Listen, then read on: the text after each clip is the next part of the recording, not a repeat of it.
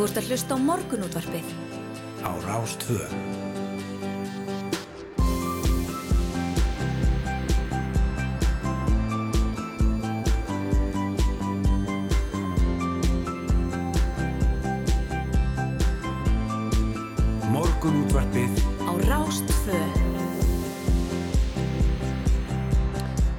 Góðan dag hér í morgunútvarpinu Snærar Sundardóttir og Hulda Gerstóttir við ætlum að setja með ykkur til klukkan nýju klukkan vantar tímyndur í sjö eins og fer við alla fram hjá ykkur sem eru að hlusta á útvarpið. Og það er 20. april þetta líður svo rætt, mér finnst ég ekki segja neitt annað.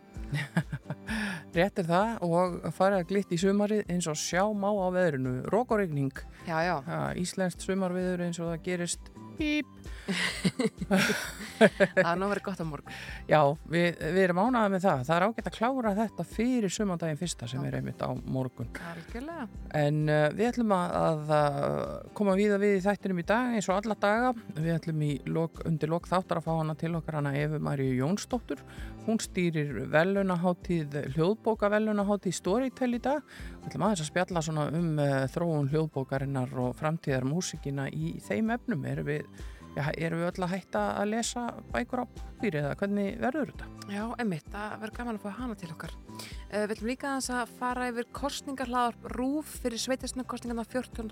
mæ. Það uh, hóf göngu sína á miðugudag í síðustu viku og í fyrsta þætti var rætt við stjórnmálafræðingana Ólaf Þórn Harðarsson og Efi Marín Hlinsdóttur. Þau dróð þyrstulínur kostningabaratunar, veldu fyrir sér áhrifum landsmáluna, sveitastjórnarmálin, fjölda sveitafélaga, aldrei frambjónda og bara allt hvaðina. Og í öðrum þætti hlaðarpsins sem kemur út í dag verður farið yfir helstu ágörningsmálinn í hverjum landsluta og rætt við kjósundur um all land. Viðtölu þáttunum verða reglulega spiluð hér í morgunúttarpinu og það fyrsta er í dag en það er rætt við Skafta Hallgrímsson, reittstjóra akureyri.net um það sem brennir á íbúum Norðurlands fyrir kostningarnar en á Akureyri var ákveða afnema minni og meira hluta í bæjarstjórn fyrir tveimur árum og vinna í saminningu öllum merkarnum.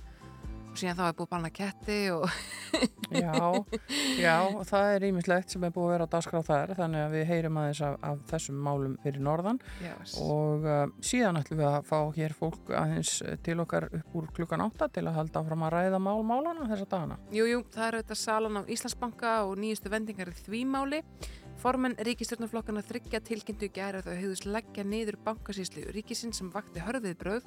Fórsettisráðra Katrin Jakobsdóttir var svo gestur í Kastlösi að ræða þessa mál og svara fyrir það hvers vegna ekki sé fengin óháð rannsóknar nefnd með viðtakar heimildir að rannsaka söluna heitt snarasta.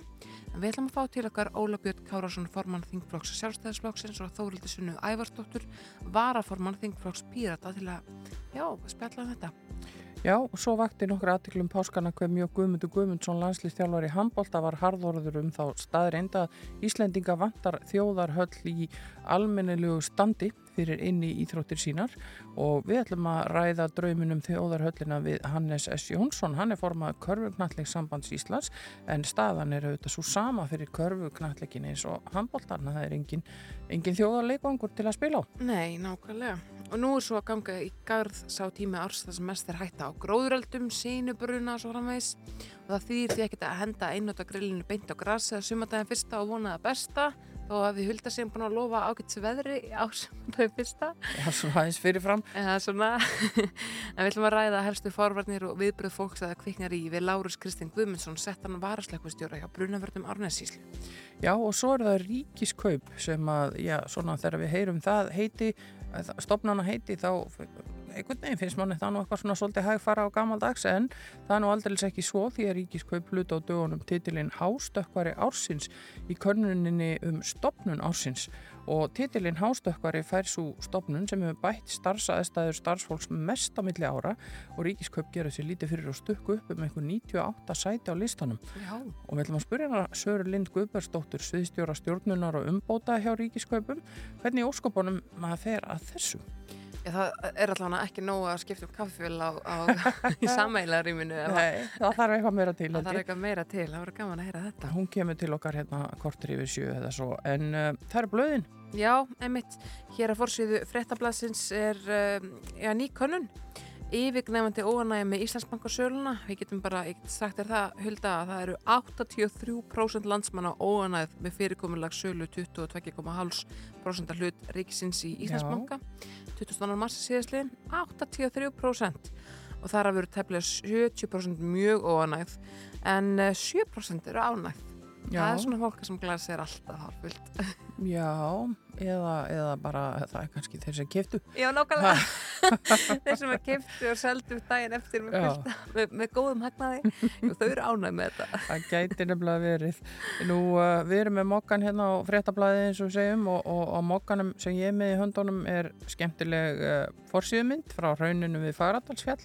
Þar eru, eru ferðamenn að taka mynd, selfie eins og kallast Mm. og uh, það er bara mjög skemmtilegt að auðvitað fara og skoða hraunni þó að það sé ekki góslingur að þá er þetta mikið sjónaspil og, og, og svart nýtt hraunni þarna mikið svona áberandi. En aðal fréttin á fórsíðunni fjallar um uh, hvernig fjármála geirin bregst við auknum netárásum.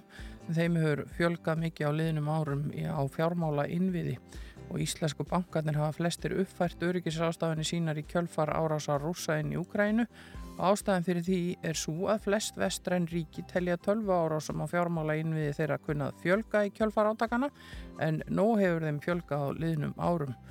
Og uh, það nú reynda að teki svo hérna fram að, að þetta sé ekki ángi af hernaðar átökum í Úkrænu heldur að hluta til afleiðing og eftir tilvikum afsökun fyrir glæpasamtök.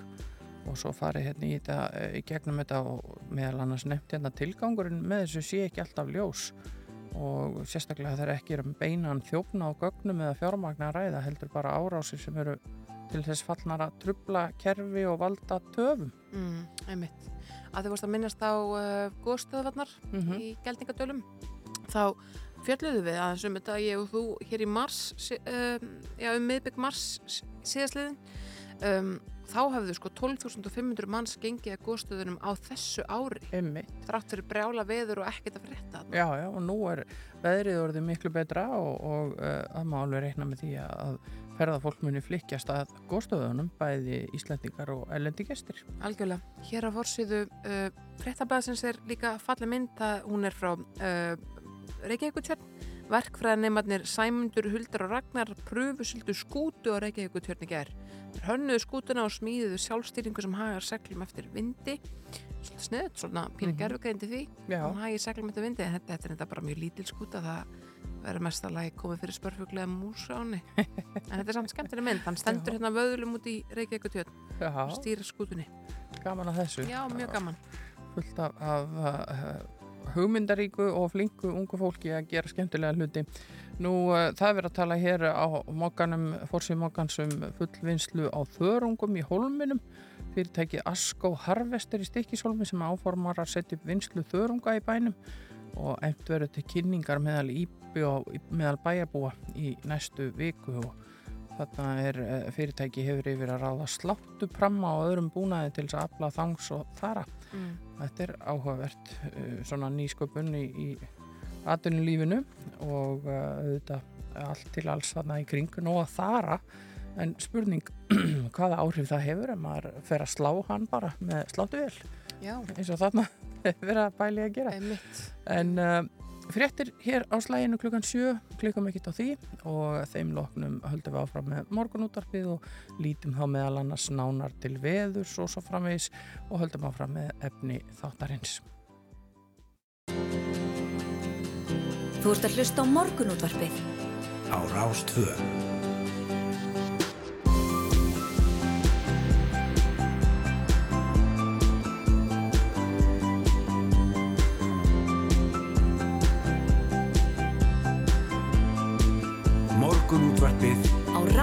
Rástfö.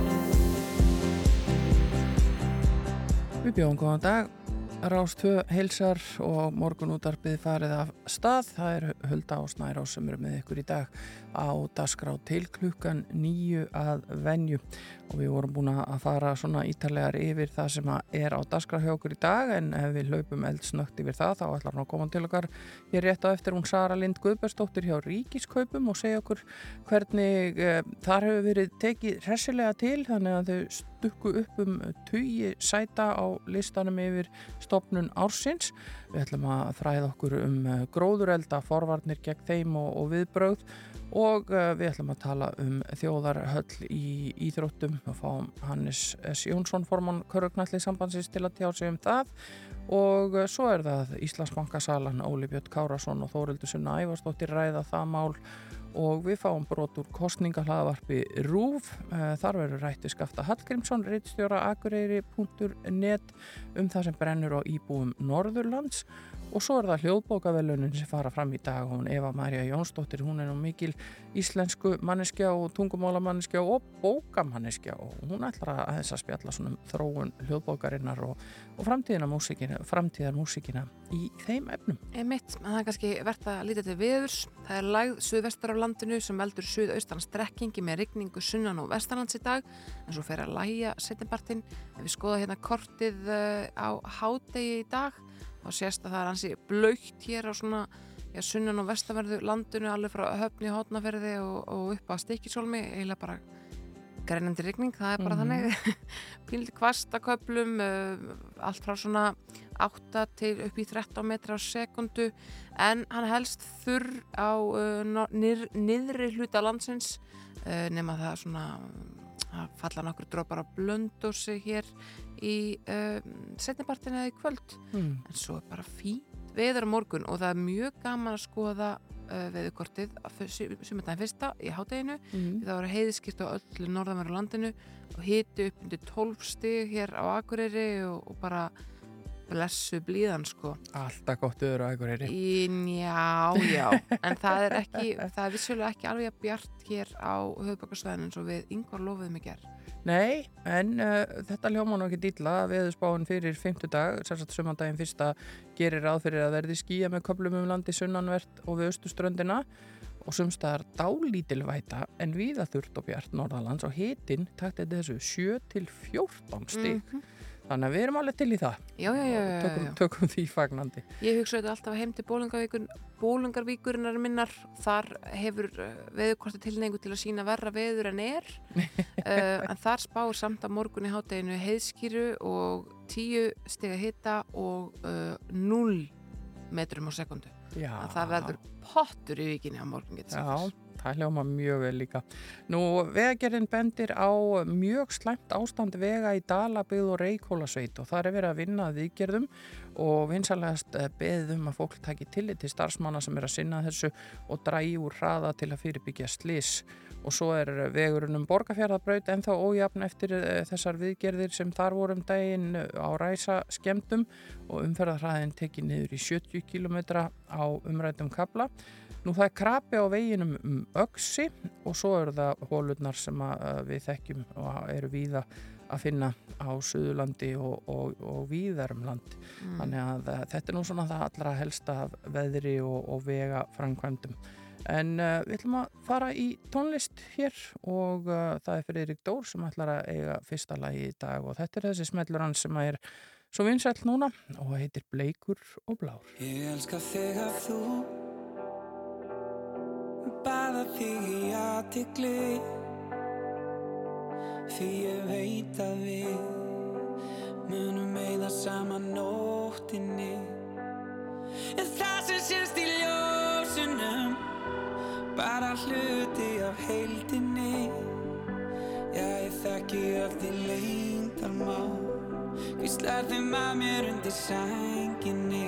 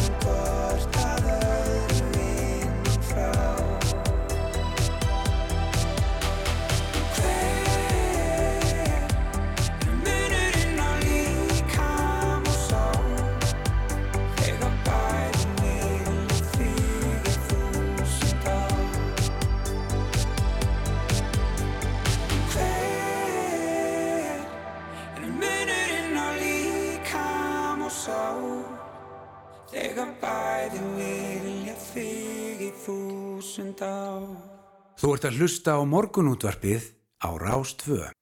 Jú, jú, við erum vaknaðar hér í morgunútarfinu Hulda og Snærós tilbúnar að fylgja ykkur inn í daginn og við erum búin að vera að glukka aðeins á vefmiðlana. Já, ég var að reyka hérna augunni frétt sem að, eða svona grein sem að byrtist á vísi fyrir bara tíu myndum síðan, Mm. eina myndi yfir sjö, þar sem við verðum að tala um tíu algengustu vandamálun á vinnustöðum það er kannski sérstaklega eitt sem að veikur svona aðtekli minni hérna, það er nummer þrjú, atrið nummer þrjú, latir samstarfsmenn. Já, Ef það er einhver innan starfsópsinn sem kemst upp með að vera latur í vinnunni er ekki ólíklegt að þessi leti smiti út frá sér og áhrifin geta endur speglast í því að aðrir taka upp sömu starfsviti og standa sig ekki eins vel og annars væri. já, Þetta er auðvitað sko ákveðum pólísi að maður sér þetta stundum á internetinu að fólk talar um að það ekki að leggja meira á sig heldur en, heldur en launin borga sko. Já, af því að það, maður fái þetta aldrei greitt einhvern veginn innan stóra fyrirtækja. Maður fái, kom, þessi aldrei komið til móts með, við mann fyrir dugnaðan, við getum orðað þannig. Já, já það, er, það er einlið. Svo er hérna önnur fréttin á vísi, fyrst erum að skoða þann vef að það er verið að tala hérna um, uh, já, nagladekkin og, og uh, þessa ofsalegu trafík sem er núna í að skiptum dekk. Erðu já, emmitt, ég ætla að gera það. Já, ég, það er bara búið að skiptum uh, dekka á einum bíl á mínu heimili og, og, og um, ég þarf að fara í þetta líka. En, en ég var svona aðeins að líta eftir þessu gæri, ég farið alltaf á sama staðin svona, bara skili bílinn eftir og röllt heim til mín en, en það er búið að vera alveg bílað að gera. Mm. Og ég ekki geta verið bílaus kannski alveg heilan dag akkurat núna þannig að ég þarf að fara í þetta líka. En ég veit að, lauruglan sýnir þessu skilning ef að fólk er búið að panta tíma eða er á leiðinni og, og, og, klárt í þessi dekkjaskipti að þetta tekur smá tíma að keira þetta allt í gegn á Já, já. landinu öllu. Ég gera það Ég sé hér, ég er, ég er að reyna að panta tíma þetta ekki að skipti, það er bara það, ég er komin það langt frá mig mæ sko, það er Já. ekkert að gerast. Nei, þetta, allt frátekið. þetta er nefnilega það er, þetta er svona álags tími þetta, þetta mætti dreifast yfir lengra tímabil en, en það er erfitt að eiga við það og vonandi bara gengur, gengur þetta vel. Við hvetjum uh, fólk sem vinnur hjá dekkjavegstæðum áfram, þetta standið ykkur vel Algjörlega, ég fann Mm. lausa tíma 13. mæ Já, Já, bókaðan Ég bóka hann Já, ekki spurning. Nú, hér rétt á eftir ætlum við að spjalla við hana Sörurlind Guðbergsdóttur frá Ríkiskaupum en uh, Eagles uh, næst á fónin One of These Nights.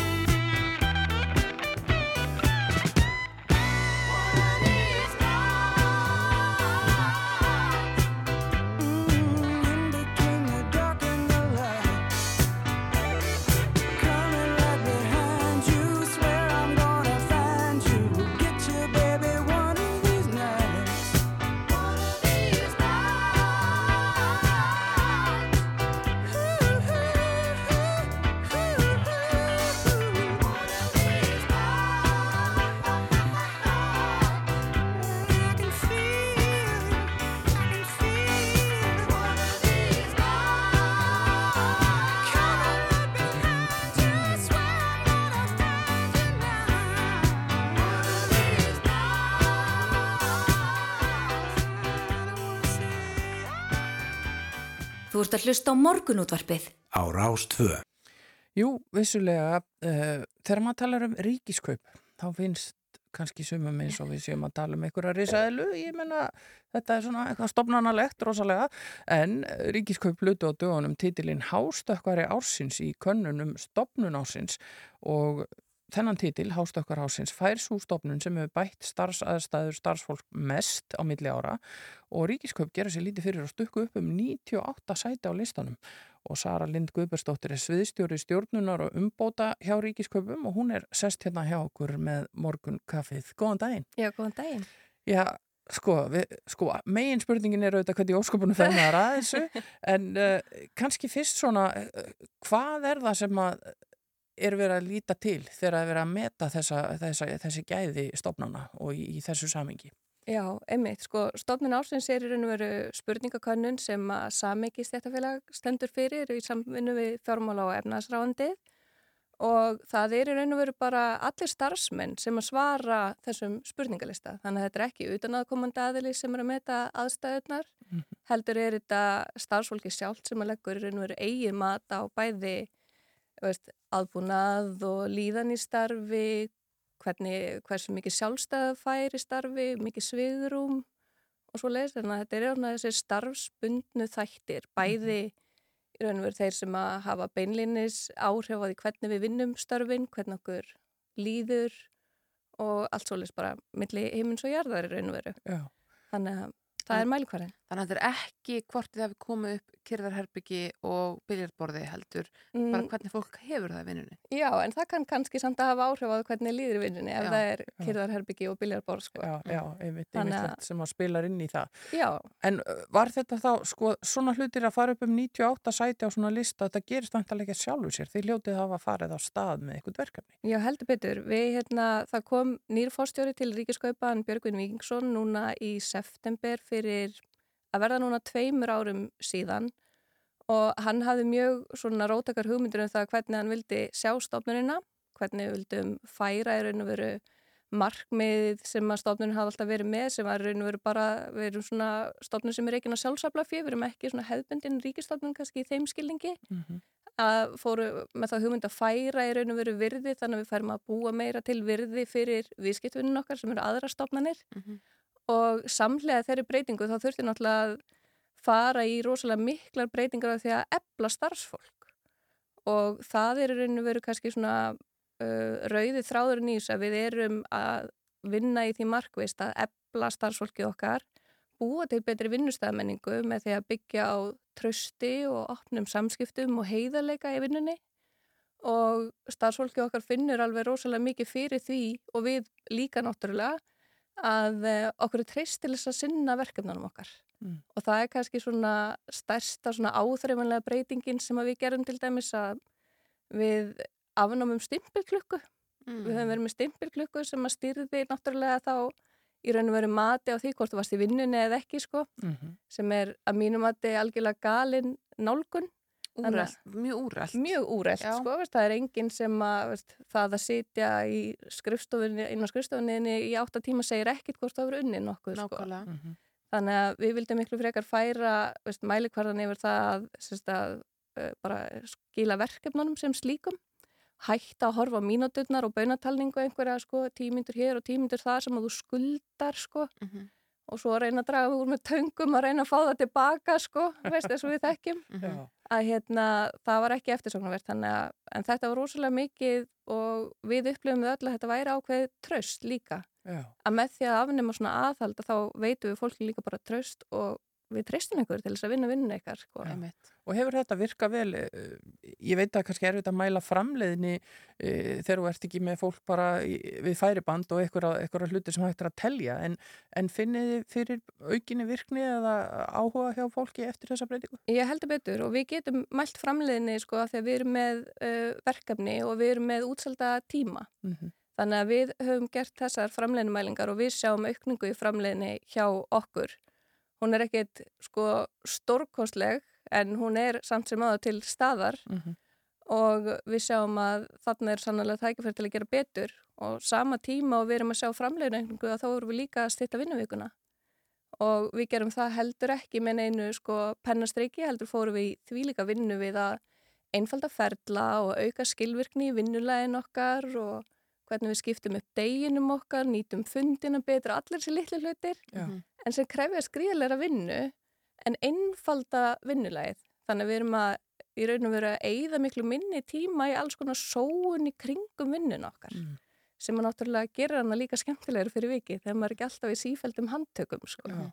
Og þið eru hástökkarar ásins og þið settu þetta upp í svona smá skemmtilega pælingu eins og bara þið værið komin um borð í geimflögu og leið út í geim. Er það næsta stoppara? Já, það er næsta stopp sannarlega. Við, hérna, þegar við fórum og byrjum í þessari hugmyndavinnu okkar hvernig við ætlum að gera þetta að eh, þá ákvaðum við að láta teikna geimflög og af því að það eru svo margir þættir í geimflöginu og geimflögavinnunni í raun og veru sem að uh, endur spekla öll þessi litlu skref sem að þarf að taka og þessa samvinnu sem þetta krefst Mhm. af því að þetta er ekki, bara ítrekka það, þetta er ekki verk sko stjórnenda að gera einhverja stofnun að hásta okkur um ársinn sko, Nei.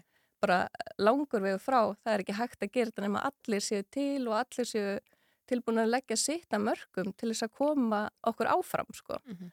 Og það er kannski það sem er alveg ómyndilegt að finna að við vorum alls svo tilbúin, við vorum alls svo tilbúin til þess að fá breytinguna Mhm. og fá að hafa áhrif á það hvernig vinnustæðurinn ætti að vera að það hefur verið alveg alveg gulds í gildi. En hvað með eitthvað svona hluti svo mötunetið og kaffivélina og Mhm. eitthvað svona? Þurftu þið að horfa á, á þessa hluti? Sko, við höfum ekki þann muni að geta gert neinar breytingar á því Nei.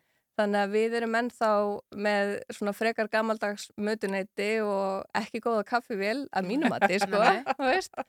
Og bara svona til þess að þið fáðu svona insýn inn í þetta ríkiskaupur staðsett í uh, frekar gömlu húsi í Borgatúni þar sem að er nú þegar, sko, veist, miklu vandamál sem er verið að ráða bót á, Mm þú veist, og við erum í þúsund fermetrum en notum bara 300, sko, sem betur fyrir erum við að fara að fá að flytja núna, vondi núna í mæ, þannig að það er gríðilega ánæg með það. Þannig að þið stakku upp í efstasæti þegar það... Ég, ég er handviss um það, sko, þegar við erum búin að ná að bæta þennan aðbúnað, sko, af því að auðvitað skiptir þetta gríðilega miklu máli. Maður verður að vera stoltur líka að vinnustanum og aðbúnaðanum sem maður er með, sko. Já.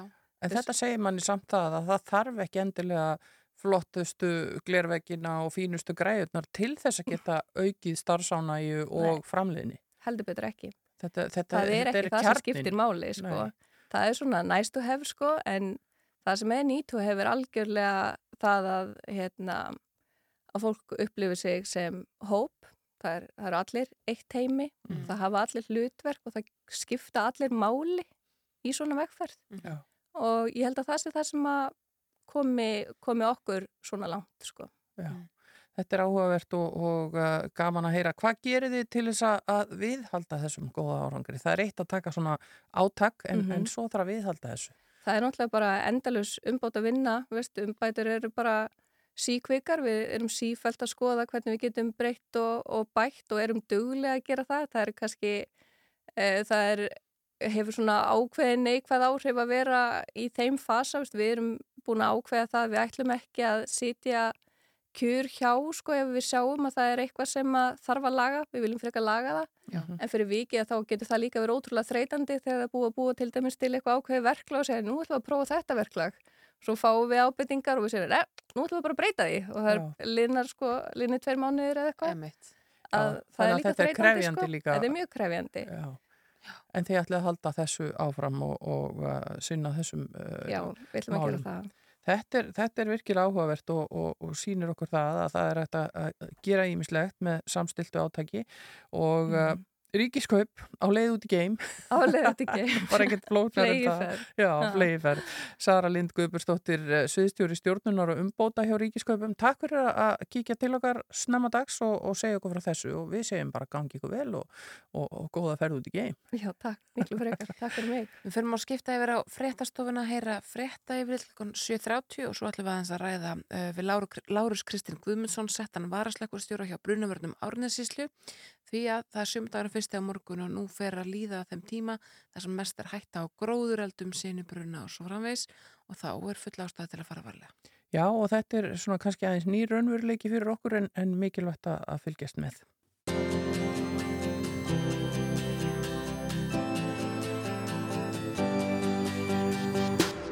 Þú ert að hlusta á morgunútvarpið á Rástvö. Jú, jú, við ætlum að halda áfram hérna í morgun útvarpinu og eh, næst ætlum við að ræða gróðurelda. Já, það er að ganga gerðs á tími árs þar sem mest er hætta á þeim og það þarf því að fara valega. Hann er komin á línunni hjá okkur Lárus Kristinn Guðmundsson, settur varasleikustjóri hjá Brunavörnum Árnessísli. Góðan daginn, Lárus. Góðan daginn. Sko, það þarf að fara valega núna. Af hverju er þessi tími svona opbáslega viðkomur þegar kemur að gróðureldinu? Það er þessi tími þegar gróður er ekki samt orðin fann að krænka og eins mikil sína og annað eftir hérna veturinn og, og, og þá er mikil gróður og ofta tíðum þurr tímabil þar sem mikil hætta er á gróðureldum. Mm. Sko, við þekkjum auðvitað fréttir af gróðureldum út í heimi og höfum heyrt það í, í gegnum tíðina en manni finnst þetta að vera tildulega nýtt vandamál á Íslandi. Hef, hefur þetta alltaf verið svona eða er þetta aukast á Íslandi? Þetta hefur bara verið að aukast á Íslandi bara vegna vaksandi gróðuseldar og, og breytingar á veðufari þá þetta hefur hérna tíðin verið að breytast og við höfum alltaf haft hætt á þessum eldum en og þetta með veiknu sumambústaðar og, og, og hérna og ferðarsvæðum sko. Já. Og, og hvað er að valda gróðureldum? Hvað er algengasta ástæðan fyrir því hér á Íslandi? Sko það er ímyndlega sem veldu, veldu þeim. Það er til dæmis bara einnóta grill, hérna fólk er að brenna arfa til dæmis í sumbústæði, síkaretur, einnóta grill, e, alls konar verkværi sem gefa frá sér hita eða, eða, eða, eða hérna, geta komið blossi eða annað frá. Mm. Þannig að það er svo margt sem getur, getur valdið og einsleika fólk er að kveikja sem lilla varðelda eða, eða brenna rusl og sem dæmi fórum við til dæmis í útgæti gær þar sem við erum að brenna bara rusli í svona hjáttunni og það fíkur glóð upp úr tunnunni og veldur síðan eldi á nokkur undir fermyndra svæði. Já. Þannig að þetta er ótrúlega fljótt að gerast þó fólk sé að passa sig. Mm. Sko tekur fólk strax eftir því að það hefur kveikt gróðureldi, það getur verið að fólk, þú veist, já bara það, það, það komi lítið glóð sem verður svo að báli einhverju síðar. Vanalega er þetta nú fljótt að gera, sérstaklega þegar það eru þurr tímabil og kannski ef við horfum út um glukkan eins og hjá okkur núna þá er búið að regna, uh -huh. en í gær til þess að það er alveg kjör aðstæðar fyrir þó að það er ekki langt sen að regni síðast, þannig að það er fljótt að þóttna þegar að þegar vindur er og, og, og, hérna, og sólinn fyrir hans að glemna sig.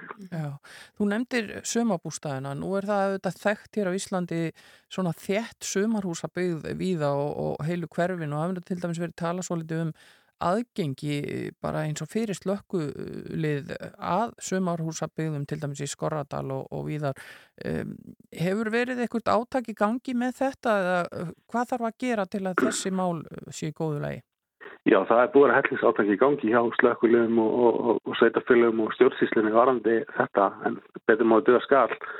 Og við höfum verið að hvetja sem sömbústaðarendur og, og þegar sem skipilegja að hugsa út í þetta. Það sé allan að tvær óhafa flóttalega út úr hverjum en ofta tíðum þegar þessi svæði fór, á, fór í byggingu þá kannski hugsa að fólk getur ekki alla leið.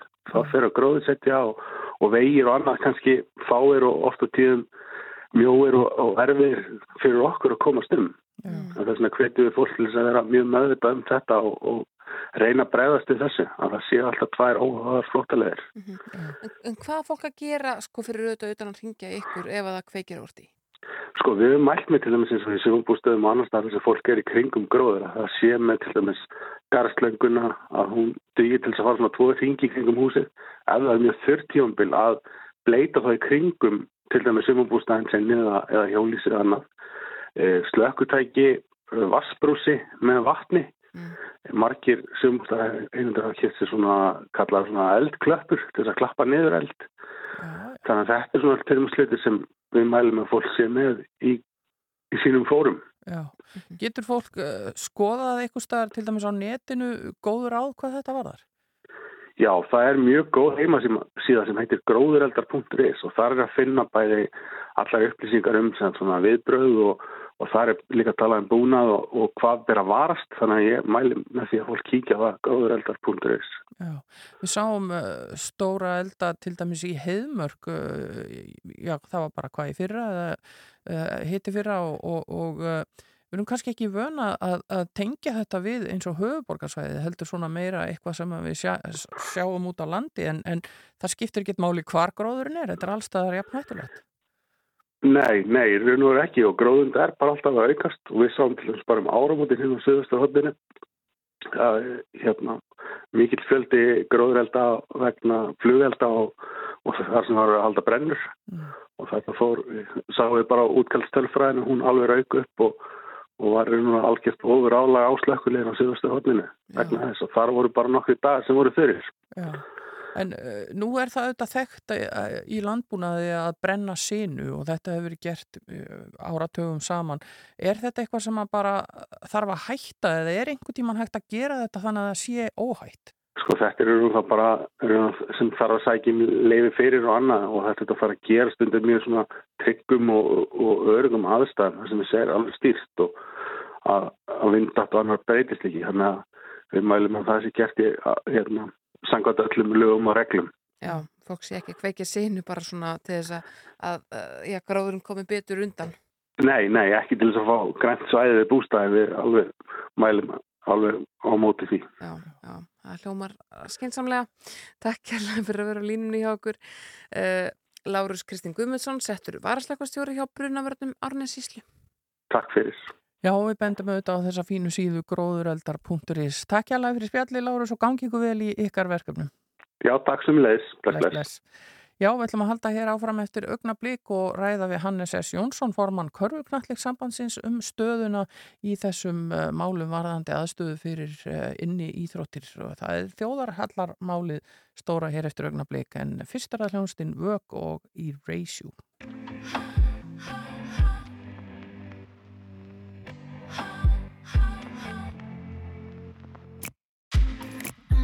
for my life, cause I know now you don't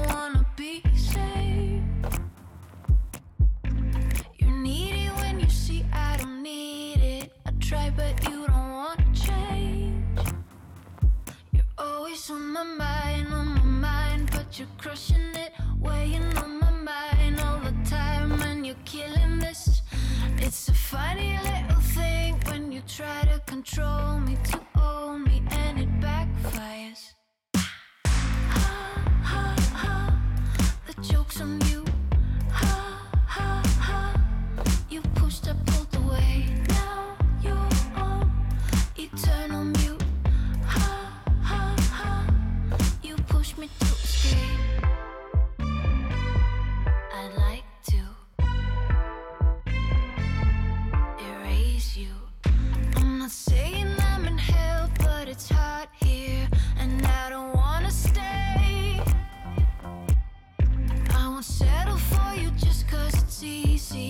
It's not the time to hesitate. You're always on my mind, on my mind, but you're crushing it, weighing on my mind all the time, and you're killing this. I don't understand why you try to control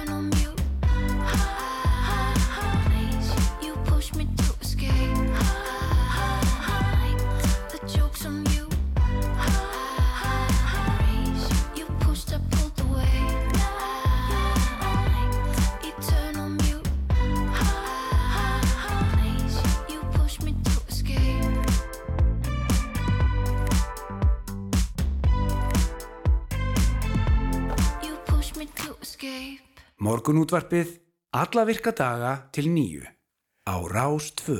Jú, jú, við erum hér á rásinni okkar allra og við ætlum að halda áfram að uh, tala um ímismál sem að snerta samfélagið og það vakti aldeilis aðtigli núna um páskana þegar Guðmundur Guðmundsson landslýstjálfari í handbólta var bara grjótharður í viðtali og, og bara ósáttur við það að Íslandika vantar þjóðarhöll í almennilugu standi fyrir inni íþróttir sínar og uh, það eru fleiri en handbólta fólk sem að eru á gödunni ef svo mætti að orðið komast Jú, jú. meðal annars uh, korfuboltinn Já, já, hann er komin ykkar til okkar Hannes S. Jónsson, formaður Körfuknalleg sambands Íslands, KKÍ, verðstu velkomin. Takk fyrir það. Sko, uh, þú hefur svo sem, uh, já, þú ert næstu í orðin eins og bílu plata að ræða þess að þjóðar, þjóðarhöll, uh, hefur verið að benda hans lengi á það að hana vantar reyðlega. Þetta er, þetta er skammarlegt þarna upp í löðalum, eða ekki? Jú, jú, það er bara akkurat orðið, þetta er skammalegt og Já.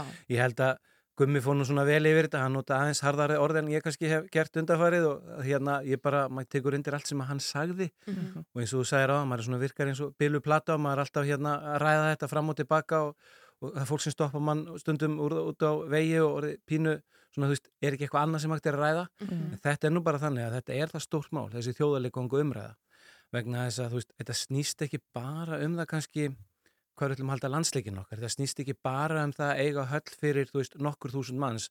Það snýst ekki bara um það að leikvöllurinn sé eins og hann er og áhörundastæðin eins og þau eru. Það snýst nefnilega í grunninn um það að landsleikin okkar í innanús íþróttum eru heimilislaus. Mm. Það er kannski svona það sem að mér finnst oft ekki margir kveiki á þurfum að ræða þetta. Þetta er ræð, ofti verið að ræða þetta í kringum svona þessa stórleiki hjá landsliðunum okkar, karla og kvennalandsliðunum Mhm. uh, en þegar við tökum bara heilt yfir eins og við hjá Körganleisambandinu þegar við erum kannski fyrir okkar yng, yngri landslið og landslið erum við að nota kannski 1000-1200 klukkutíma ári til æfinga og þetta er bara lámark sem við þurfum. Já. Við erum upp á náð og miskun aðildarfélagan okkar og sveitarfélagana hérna á landinu hvort sem að það er Reykjavík eða höfuborgarsvæði eða út á landi og þá aðalega nummer 1 og 3 er það félagin okkar sem er að lána okkur sína aðstöð sem náttúrulega sveitafélagin er að byggja. Mm. Þannig að þetta snýst um það að við þurfum eiga þjóðarleikvang til að geta spilað undir þeim kröfum sem eru í dag. Mm. Við meðum ekki gleyma því að okkar það er engin þjóðarleikungu, þótt að lögadalsvöllin sé sá völlur sem við spilum landsleiki þá er hann ekki beint sá þjóð, það er ekki skilgrindu sem þjóðarleikungur Nei.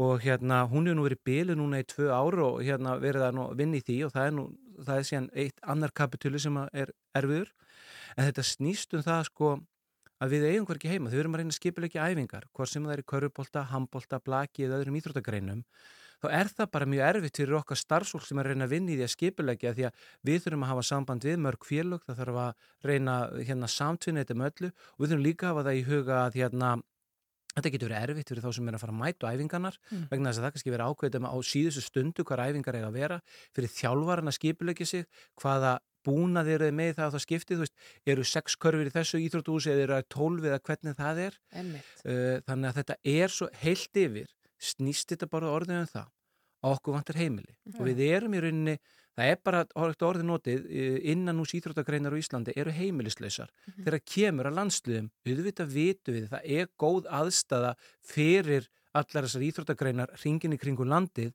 en okkur vantar aðstöðu til æfinga og til keppni þannig við getum staðist þær alþjóðlegu kröfur því að til dæmis eins og við í köruboltanum við lendum bara í því núna í lok november að við áttum eiga heimaleik hérna uh, í undankefni HM sá leikur var bara færður út vegna þess að til, til Rúslands þá og, og hérna við þurfum að spila í St. Petersburg það er í fyrsta skipti sem þetta gerist Já. og við fengum bara bref frá FIBA og, sviðan fengum við undan þá sem betur fer til að spila hér leik í februar með þeim skilurðum Já. að það yrði eitthvað að frétta varandi þjóðarhöll og þjóðarleikvang þá núna með vorinu. Og það er svolítið það sem að við erum líka orðin svolítið þreytt á. Já. að pólitíkin er búin að vera að tala um þetta núna nokkur ár. Það hafa allir uppi falleg orð. Það er búið að skipa alls konar nefndir og ég er búin að taka þátt í alls konar nefndastörum og vinna við hitt og þetta og vera hér og þar en þú veist, það er bara komið nóga nefndastörum það er komið nóga skýslum, við þurfum að fara að gera þetta og það er það sem við erum að benda á og þetta, það er En málið Hver er afastur þessar, þessar nefndastarfa? Ég meina, hefur aldrei verið ákveð að fara í útbóð eða aldrei verið settu niður, sett niður staðsetning fyrir þessa höll eða hvað hefur gerst? Í rauninni hefur aldrei komið á það því þá tekur pólitíkin við. Já. Við verið, að, ég var í nefnd, síðast voru við í nefndu þjóðarleikvanga, ég og Guðmundur B. formar handkallið sambansins á svona fylgdur hún ríkis og borgar sem var á vegum menta og menningamálar á þeirra þá, Lili Alfredsdóttur Mhm. og skipaði ákveðan skýslu og starfsóp um þjóðarleikvanga og hérna við fórum grúndíkt yfir hvernig við segjum svona höll fyrir okkur við meiri sér að komum inn á það að hafi dýr laugardalnum þótt að ég ítrekka það aftur fyrir okkur er það ekki endilega máli þú veist ef einhver önnu sveitafjölu vilja gera það þá er það alveg endilega Mhm. en okkar hugmynd er að hafa þetta í laugardalnum og það er það sem við myndum vilja gera. En það pólitíkin að taka við og ákveða vegna þess að það þarf að ákveða fjármagn. Og þess vegna erum við að segja það að það er búið að skrifa nóga skýslum, búið að tala nógu mikið. Nú þarf pólitíkin, ríkistjórnin að fara að taka ákvörðinu það að setja fjármagnir í þetta til að fara að byggja. Vegna þess að þá er hægt að fara skipulegja á þetta verið lögatalnum, á þetta verið ekstra annar staðar í rauninni er ekkert hægt að gera fyrir að ríkistjórnin tekur þessu á, ákvörðun og þetta er opaslega fallegt í, í ríkistjórnarsáttmála núna sem að er til 2026 þegar ríkistjórnin er, þetta er volið fallegt þar að það eigi að skipa þjóðuleikonga og ég hef miklu að trúa því ásmundur einar sé að berjast mjög mikið fyrir þessu en ríkistjórnin þarf þá að vera samhuga um það Mm. og fara að gera þetta og við megum engan tíma að missa, við getum ekki verið ákveðið í haust Nei. eins og fyrir okkur í körunni ég þarf að skila skýslu til FIBA núna fyrir næstu mánaðamót hver er staðan Já. við fengum undan þá á að spila hérna í Ólasval Semst, eftir tíu daga þarf það að skila skýrslu til FIBA Já, við þurfum að skila skýslu til FIBA í loka apríl og þá þarf ég aftur að því að ég var það sannfærður um það og trúði Já. í minni einlægu barnatrú, trúði ég því að ríkistjórnan ætlaði að standa við sinn stjórnarsáttmála með það að, ha að hafa þá þjóðarleikvang og ég fekk það bara frá ráð þeirra áður en að við hérna skiluðum skýslu í janúar til FIBA um það, þá var okkur sagt að þú getur sett það þannig inn að það verður farið í þess að vinnu í síðasta verið búið því í vor, þannig að þú getur verið nokkuð bara örugur um það. Þannig að við svörum FIBA því, ef við fáum undan þá núna í februar, og þá getum við verið með svör fyrir ykkur í loka apríl hver staðan er á vinnunni. Já. Þá hugsalega getum við aftur fengið undan þá í júni, en við fáum þetta ekki endurlust og það er það sem að skipta svo miklu máli. Já. Við erum að fara í mjög mikilvæga leiki og hérna uh, og þetta er bara orðið þannig að ríkistjórnum þarf að fara ákveða þetta. Það er miklu betra að þá bara koma og segja, hörru, viðstu, við ætlum bara ekki að gera Já, þetta. Það inn er bara. Ég, En- við erum honum pínu þreytt. Já, en sko, þú talar um góða aðstöðu víða um land og það er auðvitað búið að vera að spila bæði körubólta landsleiki og handbólta landsleiki til dæmis á ásöldum í Hafnafyrði og einhverju segja bara, já, er ekki bara hægt að gera þetta að þjóðarleikvangi? Er, er einhver aðstæða sem er til nú þegar sem gæti uppfyllt þetta hlutverk eða er einhvern húsnæði sem er til nú þegar sem að gæti uppfyllt þetta hlutverk með einhverjum viðbótum eða breytingum? Nei, það er ekkert hús sem uppfyllir þá, þá með við þá staðilega sem að FIBA, Alþjóða Körnalið með og svo EHF, Alþjóða Hangnalið sambandið og þetta eru svona stæstu staðilegni sem er í innan hús íþróttunum í dag. Það er ekkert íþrótthús í Íslandi sem gerir það. Lögatarsöllin fyrir næsti en við erum búin að vera undan þá með lögatarsöllina í mörg ár. Já, síðan í kringum 2010 ef maður rétt erum við búin að vera undan þá. Hver, er þessi staðlar?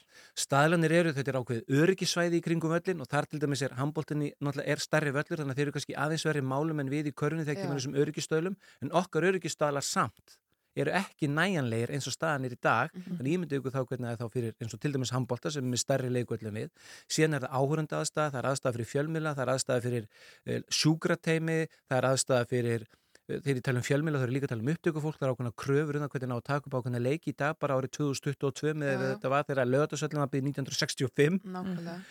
ní- fyrir 1960 þannig að þú veist, það er svo margt svona sem er og þannig að aðstæðan er ekki það eru uh, hérna allt svona fjölmiðla hérna herbyrgi, það er svona ímislegt sem að heilt yfir er bara ekki til í dag og þetta er, eins og til dæmis bara þegar kemur að því að framkvæma einn landsleiki körubólta þá er handbók frá FIBA upp á 118 blaðsjör Mhm. og ég held að þú veist, rúmur helmingurinn af því emmi aðtöðsendum frá FIBA varðandi leikstæðin okkur í dag sem er lögadalsöll Mm. og það er akkurat málið að það er engin staður og það er nú það sem við erum oft bent á að það er þannig að þetta er eina landið í Evrópu sem er á þessum stað og eins og við höfum bent á uh, að þá er alveg bara og Guðmundur benti á það núna um helgina líka. Það er bara þeim er að gera grína okkur alls þar í Evrópu með þetta vegna þess að Ísland er talið nú vera eitt af það löndum í Evrópu sem á að vera eitt af ríkari löndunum á að geta gert eitt og þetta. En þegar kemur að þessu og þá er ég líka að tala um árangur okkar að landsliða hefur verið þannig í öllum mörgum íþróttagreinum óbúslega góður. Nú er þetta fara að koma svolítið í bakið á okkur á næstunni því að mörg hver landslið annars þar í Európa hafi verið að fá ennþá betri aðstöðu, voru með betri aðstöðu en við fyrirfram er að fá ennþá betri aðstöðu núna, ég tek bara Norðurlöndin í kringum mig, bara körfubolta mm. aðstæðan sem þau eru að fá með það sem okkur er bóðið upp á það er ekki að bjóða íslensku afreiks íþrótta fólki upp á þetta að vera með nánast heimilislaus og síðan aðstöðu sem að er bara enga veginn í takt við nútíman Já. Og ég kalla bara eftir því að ríkistjórnin og pólitíkinu all komið sér saman orði um þetta eitt skiptu fyrir öll.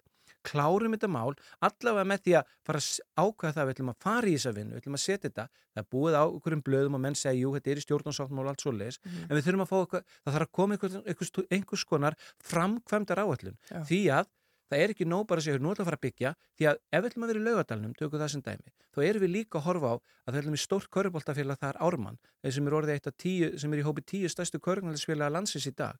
Það er á, má segja bara núna á hérna, nánast á hvergi heima heldur að því að vera að býða líka eftir að klára þessa vinnu. Og við þurfum að gera það.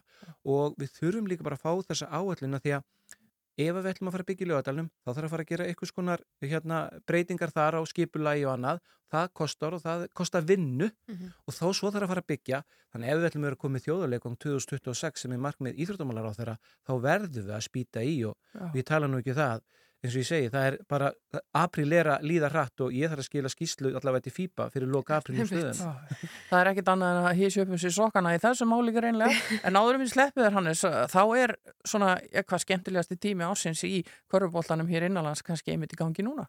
Bara algjörlega, þetta er skemmtilegasti tími ásins bara í íþróttum yfir höfuð. Já.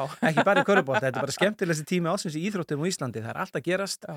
og í korfinu hjá okkur er búin að vera frábær úslitakefni í öllum deildum, nýlega var í er að tryggja sér sæti í söpveitel Kvenna eftir að hafa hérna, verið í úslutakefni þar í fyrstu del Kvenna. Núna eru við að klára úslutakefni í fyrstu del Karla þar sem komið er að loka umferðmiðli Hattar og Altanes í úslutakefninni þar. Við erum með úslutakefnina í söpveitel Karla og Kvenna í fullum gangi þar sem við erum komin í úslit í söpveitel Kvenna og við erum í undanúslitum í söpveitel Karla -hmm. og svo eru yngreflokkanir því að úslutakefni yngreflokka er líka á fullu og það er mikil gleði framönda næstu vikur í úslutakefnum og bæði gleði og sorgir því að það er náttúrulega ekki, þeir sem tapa, þeir hérna eru svektir jú, jú. en þetta er bara, þetta er bara stanslis gleði og svona inn í miðan mæ þá er þetta klárlega skemmtilegasti tíma ásins og loksins núna líka eiginlega síðan fyrir þreymar ánum síðan þá fáum við að hafa áhörundur í húsunum við fáum að hafa alla gleðina.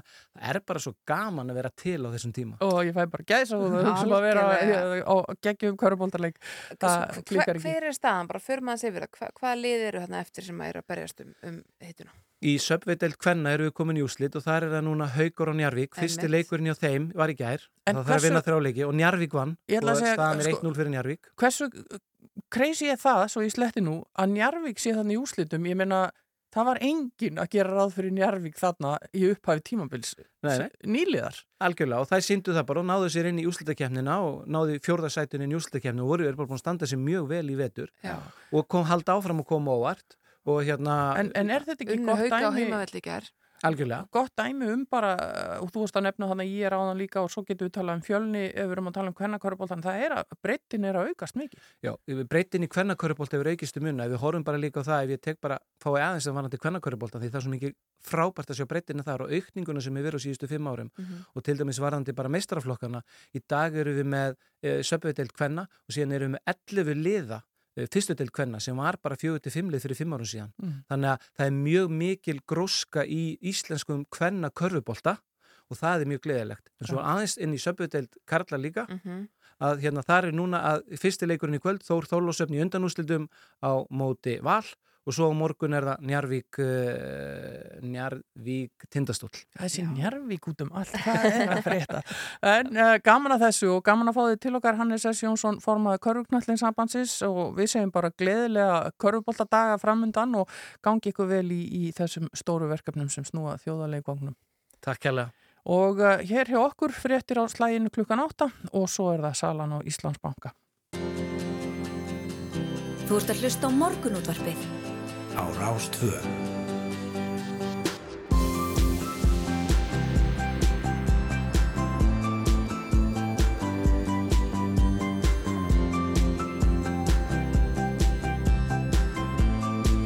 Morgun útvarpið á Rástvö. Áfram höldum við hér í morgunútarpinu Hulda og Snærós með ykkur til klukkan nýju og uh, við ætlum að ræða hér mál sem hefur verið stóra fréttamálið undarfarna daga og uh, til okkar er komin í góði gestir.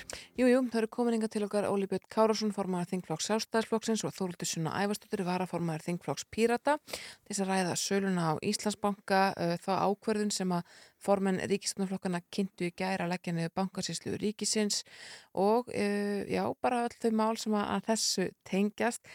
Við byrjum að sjá þér, Þóruldur Sunna, það var haft þetta í Bjarnar Bendit sinni gær sem að, nota benið þekktist ekki gott bóðum að vera hér í dag, um, að uh, það líti ekkit út fyrir enn lög hefur verið brotin í, við þessu sölu. Ertu sammála því? Nei, ég get nokkið sagt að ég sé sammála því og fyrir því eru nokkra ástæður.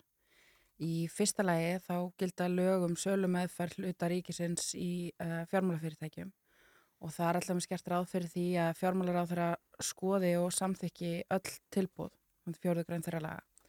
Nú er komið fram í tilkynningu frá ráðunetinu að það hafi það ekki gert og að ráð þeirra hafi ekki skoðað þessi tilbúð. Uh, þannig að það í sjálfu sér fer ekki eftir bókstælagana. Mm. Síðan er það auðvitað það að það að ráð þeirra hafið þessa ábyrð að skoða sölutilbúin og gerði það ekki fyrir hann ekki undan því að hann er þarna að selja náskildum aðila hluta í ríkisegn og yfir það ná stjórnsýslulögin og ég fæ ekki sé hvernig reglurinn sérsta tæfi uh, stand, bara hvernig þetta stendst reglurinn sérsta tæfi að selja pappa sinum í ríkisegn ég bara fæ ekki sé það. Þetta er svona nokkru hlutir, ég minna og svo auðvitað fyrir utan þessa hluti sem að er kannski erfitt að stemma nákvæmlega við hvaða lögvegna þess að það er bara mjög flóki reglverk sem að fjármála eftirlitið er að ykkur leita að skoða og það er náttúrulega þessir sölur ágjafar sem eru fengnir til þess að um, selja þessa hluti og síðan kemur ljós að þeir að ykkur leita selja sjálfum sér sem að ég, ég læt fróðarmennum en mér eftir að, að greina nákvæmlega hvernig það stendst lög Mm -hmm. Uh, og sömulegðis auðvitað bara þessi já, þessi aðferðafræði hvort að þetta hafi í raun staðist þær kröfur sem að lögin setja um svona sölumæðferð um gagsægi og um jafnbræði og fleiri hluti sem er áskilnaður um í lögum sem að þarnast kannski aðeins nánari greiningar en ég minna mérst liggi augum uppi bara nú þegar að ráðunetti og ráðherra hefur gengist við því að hafa ekki skoðað þessi tilbúð, að hafa ekki farið yfir þau eins og lög gerir ráð fyrir. Mm. Er þetta erfitt mál fyrir formannin þinn, Óli? Óli?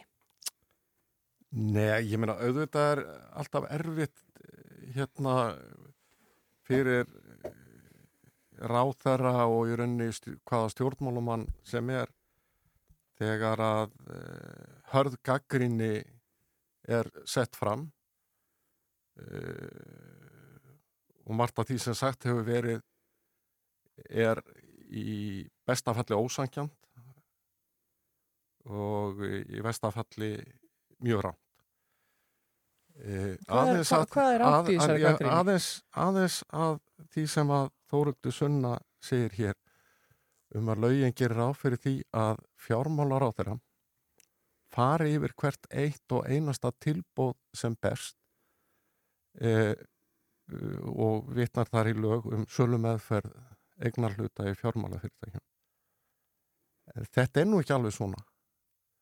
Það kemur í rauninni skýrt fram í greinargerð með frumvarfi sem að ég hygga Otni Harðardótti þá fjármálar á þeirra lagði fram að það sé nú hérna gengi út frá því að ráð þeirra sé heimilt og í rauninni er það praktist mál að e, fela bankasýslu ríkisins að fara yfir einstök tilbúð og framkvæma hérna þann gjörning að ganga frá sölunni.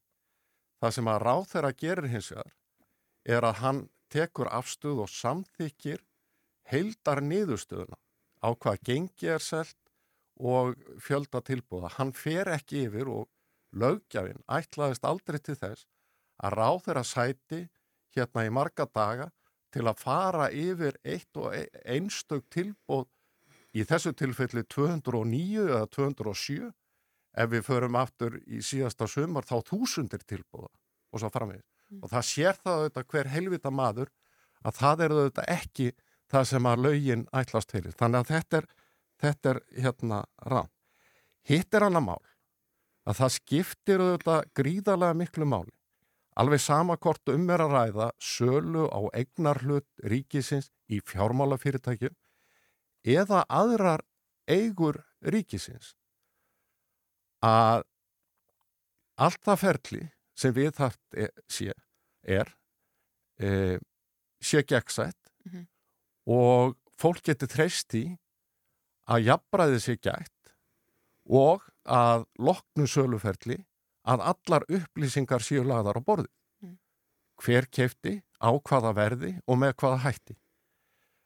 Og það er kannski súka, það, það sem að Bankasæslan laðist gegn því Já, ég, sem að ég skil ekki. Ég skil ekki á hvaða grunni bankasíslan eftir að hafa frangat þetta útbóð í talningum ef við förum aftur í tíman hérna frá því fyrra leggst gegn því sem að ég held að allir væru sammálum að allar upplýsingar þegar að kemur að sölu eigna ríkisins skuli lagðar á borðið þannig að það sé fullkomi gegnsægi í því Mm. og það verður að vera með þeim hættu og þess vegna og á þeim ástæðum til dæmis gengur fjármálar á þeirra algjörlega gegn tilmælum bankasíslunar og leggur fram þennan lista yfir þá kaupendur uh, í þessu útbóði sem var núna hvað 22. mars. En Þorvaldur, er þetta ekki rétt? Ég meina, Bjarni, hann var ekkit lengi samþykja það að byrta þennan lista svo framins. Nei, nei. En ef við skoðum bara greinagerðina sem að Óli Björn er að vísa í, að þá kemur hérna fram að sko, það er lagt til að bankasísla ríkisins skilir á þar að raukstutu mati á tilbúðum í eignarhlutunum þegar þau liggja fyrir. Og í frumvarpinu er gert ráð fyrir og ég meina þetta er, og það skiptir mestu máli, hvað er í laga textanum sjálf, ekki hvað er í greinagerð þótt að það sýtli staðalli skýringar. Að það stendur í frumvarpinu er gert ráð fyrir að það sé ráð þeirra sem tekur ákvarðunum samþyktið að höfnu tilbúða fyrir hönd ríkisins eins og eðlilegt má teljast. Þetta stendur í greinagerðinni. Og síðan þetta sem er talað um sko að, að hérna ráþæra geti falið bankasíslunni um, að, að sjá um þetta, að þá kemur líka fram í greinagerð að ráþæra geti falið bankasíslu ríkisins að annast endanlegan frágang vegna sölu eignarhluta. Mhm. Það er hins vegar mjög skýrt í laga ákvæðinu sjálfu að það er ráþæra sem á að fara yfir öll tilbúð, samþykjaði með að hafna og undirrita samninga fyrir hönd ríkisins. Hvað er hann að undirrita? Er hann að undirrita eitthvað tilbúðskerð? Er hann að undirrita eitthvað greinagerð? Nei, hann er að undirrita tilbúðin sjálf. Mm. Þannig gerar lögin ráð fyrir að þetta sé framkvæmt. Og ég meina auðvita, út af því að ráð þeirra ber ábyrð á þessari sölu, á þessari sölu meðferð og það er mjög skrítið og undalegt að láta hann bera ábyrð á eitthvað sem að hann kemur síðan ekki nálagt að nokkur leiti. Mhm. Og það er auðvitað mjög skrítið að hann samþykki sölu til pappa síns á þess að hafa einu svona vittneskum að hann sé að gera það. Komum okkur að því sem að gerist hér í gær, þá uh, komu ríkstjórnar uh, þrýr fram með yfirlýsingu þar sem að var sagt að bankarslega ríkisins er því lög niður, Katrin Jakobsdóttir kom í vital hér í Kastljósi sem að snýrast að reyndara mestu um það hverjir ætti að rannsaka þetta mál, hvort það væri ríkisendur skoðun og sælabanki, hvort það væri nóg eða þyrfti að stopna sérstakka uh, svo sko rannsóknar nefnd og svo framvegis. Hvernig horfir það við þér, Óli Björn, að, að uh, viðbræðið sér þetta að bankarsíslan verði lög niður?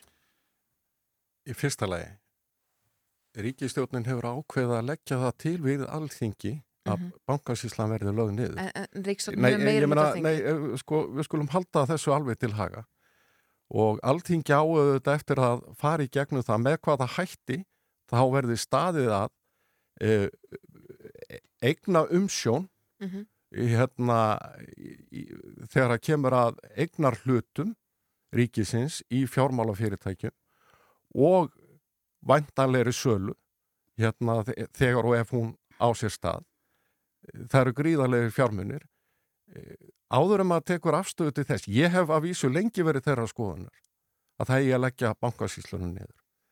En óháð því að þá verður ríkistjótinu auðvitað að leggja fram tillögu, alþingið þarf að taka afstöðu til þess með hvað hætti verður staðið að um síslu á eignarhlutum ríkisins. En sem viðbrafið því sem að undan hefur gengið, er þetta viðbrafið sem kallað hefur verið eftir að bankursýslu Já, ég held, ég held að vísu að, að eh, sko, með geta auðvitað velt fyrir sér tímasetningum og svo framvegis. Mm. Ég held hins vegar að svo gaggrinni sem hefur komið fram snúist meðal annars um að ekki hafi verið nægilega, hérna, ferli hafi ekki verið nægilega gegnsætt. E, það hafa vaknað upp spurningar um það hvort að jafnbræði hafi verið gætt í þessu útbóði og það er eitt af því sem að ríkisendurskoðun munuðu þetta varpa ljósi á hvort að það sé rétt eða ekki súgakrinni. E, og ég eh, held að það hefði líka verið og ég held að á þess að ég leggji þóruðu sunnu, það þarf engin að leggja henni orði í mun, að þá hygg ég að hún hljóti náttúrulega fagna því að ef að það er ættur ríkistjótaninnar að stöðla því að alþingi komið með beinum hætti, ekki sem álitskjafi, heldur með beinum hætti og taki ákvörðun um þegar og ef hérna einhver eignar hlutir í fjármálafyrirtækjum sem ríkið á verða seldir að þá verði það ákvörðun alþingis með beinum hætti, mm. ólíkt því sem nú er. Er það rétt? Fagnar það því þóldur? Sko heimildin til þess að selja þessa hluti er auðvitað tekin, að ákvörðun um að selja eignar hluti er auðvitað nú þegar tekin af alþingi í gegn fjölug. Mm -hmm. uh, og síðan er þetta samráðsferðli. Þetta er öruglega ekkit endilega fullkomið ferðli og mögulega mætti endur skoða það en mjögst tímasetningin á þessari tilkynningu að mæta og segja við ætlum að leggja niður bankarsýslu ríkisins og vissulega fara með það fyrir alþingi um, Já, minnst það er svolítið skjóta skakku við vegna þess að þetta er ekki beininist það sem að hefur verið að kalla eftir. Hvað er, verið, hvað er verið að kalla eftir? Hvað á að gerast núna þegar að, að þetta máleikun, það er svolítið allir búin að viðkjöna að þetta var klúður? Já, ok, byrjum kannski aðeins bara, mér langar rétt svo að klára um bankarsýslu ríkisins vegna þess að það er nú þegar í lögum um bankarsýslu ríkisins að það eigi að leggja hana niður mm. þegar hún er búin að ljúka sínu störfum. Þannig að við erum að tala um að leggja niður batteri sem er í raun á loka metranum í sínu störfum. Ok, flítum því. Ég bara, ég sé ekki hvernig það kemur nákvæmlega þessu máli við og hvernig framkvæmdi var á því. Uh, ef það er óanægja með fólks, fólki sem stendur hérna í brunni, þá er auðvitað réttara að láta það fara heldur en að koma með yfirlýsingar í páskafríi Eh, eftir að hafa ekki látið ná á sig fleiri daga um að, já, herðu, við ætlum að leggja niður þessa stopnun og vonum að það beinin og sjónum annað heldur en þar sem ábyrðin á endanum liggur sem eru þetta hjá fjármálar á þeirra og þessari ríkstjórn. Hvað þarf að gerast? Ég minna við höfum kallað eftir í að Benny Benediktsson viki. Okkur finnst að hann standi í vegi fyrir því að það fari fram heilstæði rannsókn á því sem að gerast þarna, að það verði sett á fót rannsókn nefnd alþingis og að hún fái fullt umboð til þess að skoða alla þætti þessari sölu og við erum á því að setja Bjarnar Bjarninssonar í stóli fjármálar á þeirra standi því fyrir þrifum að þetta verði gert vegna þess að það er auðvitað ekki auðsætt í ennbætti sem ráð þeirra sem er með heila rannsóknar nefnd á heilunum mm. og ég held að það sé helst ástæðan fyrir því að stjórnarlegar séu mótfallni því að rannsóknar nefnd verði sett að fót. Þegar við talaðum um að það takki ólangan tíma að uh, það sé nú þegar verða rannsóknar hjá ríkisendurskoðun og við höfum bent á á móti að fyr, í, í fyrsta lagi ef þetta tekur svona langa tíma þá er best að byrja sem fyrst og í öðru lagi að þá hefur ansvarinu nefnd bara miklu viðtakara heimildir heldur en ríkisendskoðun til þess að mm. fara hann í kjöluna á þessu máli. Sko Óli Björn, uh, Katrin Jakobsdóttir í Kastlutsi gær sagði marg, marg ítrekkaði, marg ítrekkaði að uh, Bjarni Bjarnarsson bæri pólitiska ábyrði þessu máli og hún sagði líka að hún sjálf bæri pólitiska ábyrði þessu máli sko ef að, ef að þessi rannsókn ríkisendurskoðunar að Sælabankans kemur út með einhverjum neikvæðum hætti getur við verið að fara að sjá bara nýja skipstur á brunni hér með vorinu eða hvað er, hvað er planið? Ég, ég hef hérna lært það af langur í reynslu annars vegar sem bladamæður og hins vegar síðust árum sem stjórnmálamæður að vera ekki mikið að svara ef spurningum eins og þú ert með hér Ég held að það er að segja að þetta er langar einslu að það segir aldrei neitt nafsir hér að þessu landi. það, Já, það er að vísu rámt hjá okkur og það er fullering sem að stæðast ekki skoðun og Nei. það vitið þið hérna vel. En látu það líka á milli hluta. Sko, uh, það er rámt sem að Þóruldur Sunna segir að, að uh, stjórnarliðar séu andvýr því að sett verða á fót sérstökar ansóknum nefnd vegna mm. þessa máls. Ég er henni lísti því yfir í þingsal fyrir páska að ég myndi styðja það ef að það kemur ljós að hérna e, úttekt, skoðun, rannsókn, ríkisendur skoðunna væri ekki næjanleg að mati þingsins að þá væri forsendu fyrir því að setja á fót rannsóknum.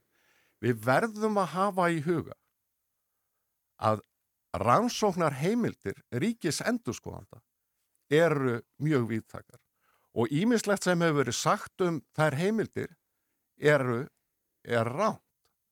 E, ríkis endurskóðandi getur í rauninni leitað hérna til domstóla ef einhver færist undan að veita honum upplýsingar og svo framvegis alveg með sama hætti og, rannsóknum nefnd og svo framvegis ég ætla ekki að draga hérna deilum það að heimildi rannsóknum nefndar eru vítakari en í lögum um rannsóknum nefndir í greinagerð kemur fram að og það er, það er undirstrykað í greinagerð að það sé rétt að árétta við skipur rannsóknar nefndar er úrræðið sem ber einungja sem nota ef einsýnd er að ekki er undan notast við hinn hefbundu rannsóknar úrræði. Úrræðið er sér úrræði og mikilvægt að á það sé litið sem slíkt og til þess sé ekki greipið nema nöðsynlegt sé. Mm. Það er ekkert hérna, gamanmál að skipa. Er bara og mér finnst, meina, mér, er finnst, ekki- mér finnst að þingið verði að sína ríkis endurskóðanda og í þessu tilfelli núna þegar að fjármála eftirlit Sæðlabankans hefur líka hafið rannsókn á ákveðnum þáttum. Mhm. Minnst ákvastið það traust að gefa þeim svigurum til þess að ljúka sínum konunum og sínum rannsóknum og leggja það fyrir þingið og í tilfelli fjármála eftirlitsins hérna fyrir hérna almenning og í rauninni bankara. Þórður svona, er þetta ekki bara rétt? Ég menna, er eitthvað ástæð til þess að fara rannsakað á þreymur stöðum samtímis? Sko í fyrsta lagi að þá er eh, bara mjög skýrkjart ráðferði í lögum að ríkisnættiskoðandi geti unni með rannsóknum nefnd alþengis. Mm. Í öðru lagi þá er ekki skýrt í lagaumgjörðinni sem að gildir um fjármála eftirlitið að því beri eitthvað skonar skilda eða það hafi eitthvað skonar þjónustu hlutur skakvart í að upplýsa almenning. Þeim er heimilt að upplýsa almenning um það niðurstöðu sem þau komast að en þeim ber engi skilda til þess og þau hafa enga svörunarskildu til dæmis skakvart þinginu. Það er alveg rétt að þetta er ekki eitthvað Það er rámt hjá þér.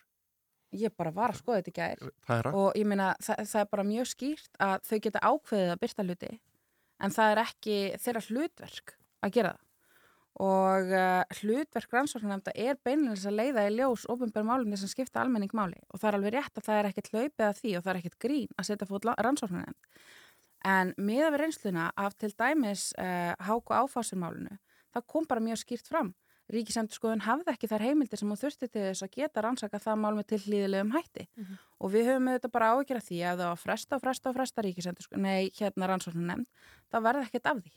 Á endanum að þá segir stjórnarlegar, já, okkur finnst þetta nóg sem fram er komið, mm. burt sér frá hvað ykkur finnst í stjórnarnarstöðunni, þá erum við búin að komast að þessu. Þetta hef ég upplifað áður að það hefur bara verið lokað á rannsóknir þegar stjórnarlegar ákveða nú komið nóg, við þurfum ekki að rannsaka meira. Komast í miður ekki lengra, við leysum þetta mál ekki hér við þetta borð að þessu sinni, aldrei að veit hvað gerist síðar. Óli Björn Kárusson og Þórildur Sunna Ævarsdóttir, takk kærlega fyrir komuna í morgunútarpið. Við ætlum að heyra eitt lag, þetta er tökum að stað með Reykjavík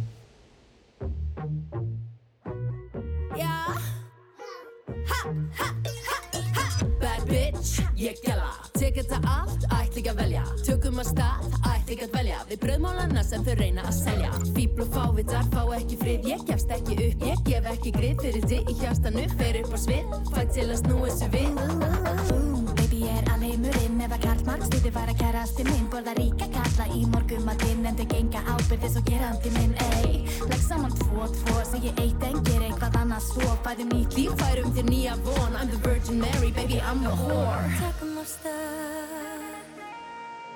Þangað sem allt er óskrifa blað. Já, við teljum niður tíman þar til við skrifumst í stjórnurnar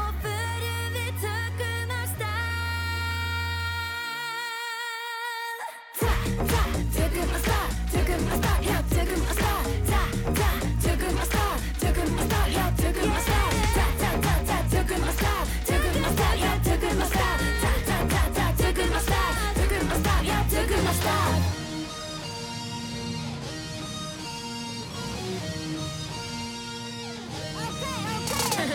Ég fer upp að svið en mér langar til þó að eitthvað lið fríki vil hið, fyllum dansgólfi, plassi er ekki á lítið. Hér er pláss fyrir dróninga, pláss fyrir fríkin, pláss fyrir hotness og pláss fyrir lítinn, pláss fyrir okkur sem tók allan skítinn, pláss fyrir það, pláss fyrir bítið. Þeir elska okkur einar þeir hata okkur saman. Já, tökum af stað, eigum sviðið og tökum af stað. Notum rættirnar, tökum af stað. Tökum af plássið og tökum af stað. Það kompa kimmin og spekka, viltu bita ekkert að þakka. Mættar á dansgólfi, gólfið er margir Tjókar í tríti, það verður að morspið Foppið, sleika, ekki haldi svo lofti. Ég og þú og stelpa mín poppin Sjokki, þegar þið sjáu sá borspil Strotning, tekur ykkur með mér á toppin Tökum af stað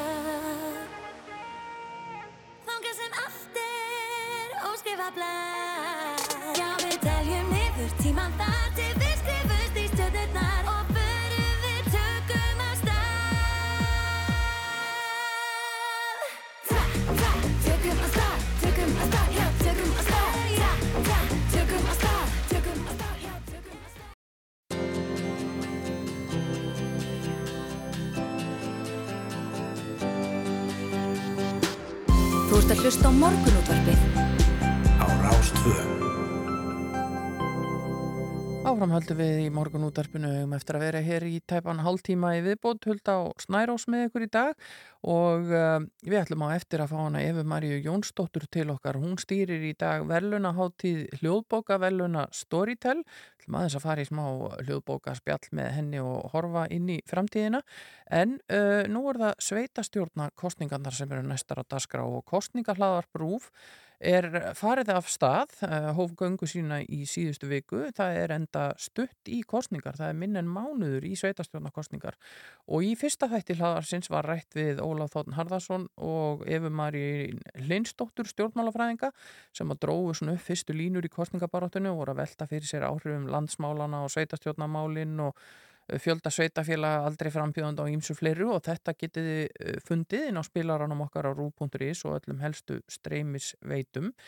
En annar þáttur hlaðarsins kemur út í dag og þar verður farið yfir helstu ágreiningsmálin í hverjum landsluta og rætt við kjósendur um all land.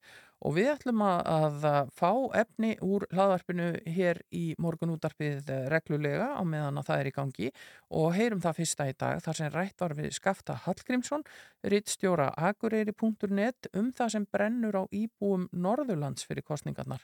En á Akureyri var ákveðið að afnema minni og meiri hluta í bæjastjórn fyrir tveimur árum og vinna í saminningu að öllum verkefnum menn eru nú sammála með það að gengi ágætlega. Svona, fóru í þetta til nettir eftir COVID og það var mjög erfitt fjárhastlega hér eins og annar staðar en menn fóru í einhvers konar allserjar meiri luta ef, ef svo maður segja. En uh, fyrir kostningar er nú ekki tala þannig. Alls ekki, menn náttúrulega fara fram hverjandi sínu merkjum en En Akkurir er nú ekki þekktur staður fyrir pólitísk átök, satt að segja. Hér hafa nú ekki verið, já ekki í ára tíu og kannski aldrei neinn svona svakaleg pólitísk átök. Þannig að auðvitað er ekkit útlokkað, já ég far nú valla allir aftur í samstarf, staðan er orðin það góð núna, rekstu bæjar er fann að ganga ágætlega, þannig ég á nú ekki vona því. En hverjir, það er ómöld að segja, hverjir, hverjir vilja eða geta unnið saman. En pólitískur ágreiningur er ekki það svakalega mikill að í sjálfu sér geta allir unnið saman hér. Og erfitt að spá um það eins, eins, og, eins og ég nefndi áðan með sko, endur nýjuna að gætu orðið af 11 bæjarfulltrum gætu orðið tveir sem setja áfram hugsanlega þrýr, kannski fjóri maður veit ekki hvað kemur upp úr auðvitað en tveir, tveir til þrýr eru auðvitað ekkert ósennlegt þannig að það er spurning hvernig allir þessir 7, 6, 7, 9 hvað þeir vilja og hvað þeir vilja gera það það, það er í sjálf sem er reynið alltaf blind í sjóu með það mm. Er ekki fleiri fyrir ekki, er ekki fleiri frambóð en vennilega á Akureyri, fleiri flokkar?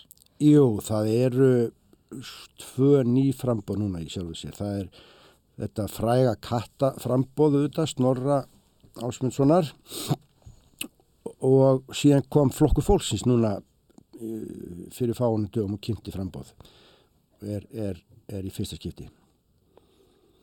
Og það er nú svona til dæmis þetta kattaframbóð snorra kom náttúrulega til þess að bæjastjórn samþýtti bann við lausagöngu katta sem er nú kannski til dæmis um pólitískan slag hér, það er eitthvað svona þekktasta uh, máli sennilega á kjörtíðabilinu sem er að ljúka uh, skipurasmál eins og Gunni nefndi áðan þau eru hafa verið áberendi hér líka ekki kannski fyrir mikinn slag þannig séð en fólk hefur mikinn áhuga á skipurasmálum það er sennilega eitt af mesta sem er lesið hjá mér á vefnum á akkurri.net, það er skipurasmál þau hafa verið alltaf mikið í brennindefli en ekki endilega mikil slagur í bæjastjórninni en fólk hefur mjög misjönda skoðan og skiptist, skiptist allt í fylkingar. Og hvað er það þá? Eh, Er það húsnæðskortur eða er það þessi háhísi sem var, voru að- já aðalega háisinn, hér er alltaf hefur verið alveg svakalegur húsnæðiskortur, mjög mikill. En það er verið reyndar núna að skipulegja á næstu, næstu árum, tveim-þrum árum þá verður verða byggðar hér mjög margar íbúður í, í nýjum hverfum má segja, einu alveg glæð nýju og svo svona stækkun á öðru hverfi þannig að það ætti nú að, að lagast og það er á getið sátt um það í, í bæastjórninni en svona það sem hefur verið rífist um það er já, allar maður getið sagt það núna sko að fólk, kannski það er lausangokka katta og svo hvort að gler á sundlögs í opinn einn klukkutíma mótnana eða eitthvað, þetta er svona það sem fólk í bænum er aðra að tala um sem er eiginlega alveg stórmerkilegt að sé ekki eitthvað alvarlega en þetta. En er ekki drætt skafti um veglagningu uh, sem sagt uh, nýja, nýjan þjóðveg sem sagt hvað hann eigi að liggja Nei, það hefur ekki verið talað um það. Þetta þá að meina að hann hætti, þjóðvegur eitt hætti að renna í gegnum með bæin, með bæin. Það hefur ekki verið reitt, rætt hann einni alvöru, nei. En, en annars slægið koma kannski upp svona, kemur upp ein og ein rödd, menn hann talar henni um sko göng undir, undir fjörðin að hann er komið til hverja rögn þess að það er auðvitað mjög sjálfgæft eða kannski bara einstætt að þjóðvegur eitt er enni liggi svona beint í gegnum miðbæin kannski óhefpilegt á einhver leiti en það er ekki auðvelt að leysa það. Það er ekki auðvelt að fara með veg upp fyrir bæin til dæmis. Þannig að ég er ekki búin að sjá það það breytist á næstu árum. Alls ekki. Annað stórt mál á kjörtinbölinu var náttúrulega það að, að Akurabær skilaði af sér öldrunar heimilunum það var mjög heitt mál.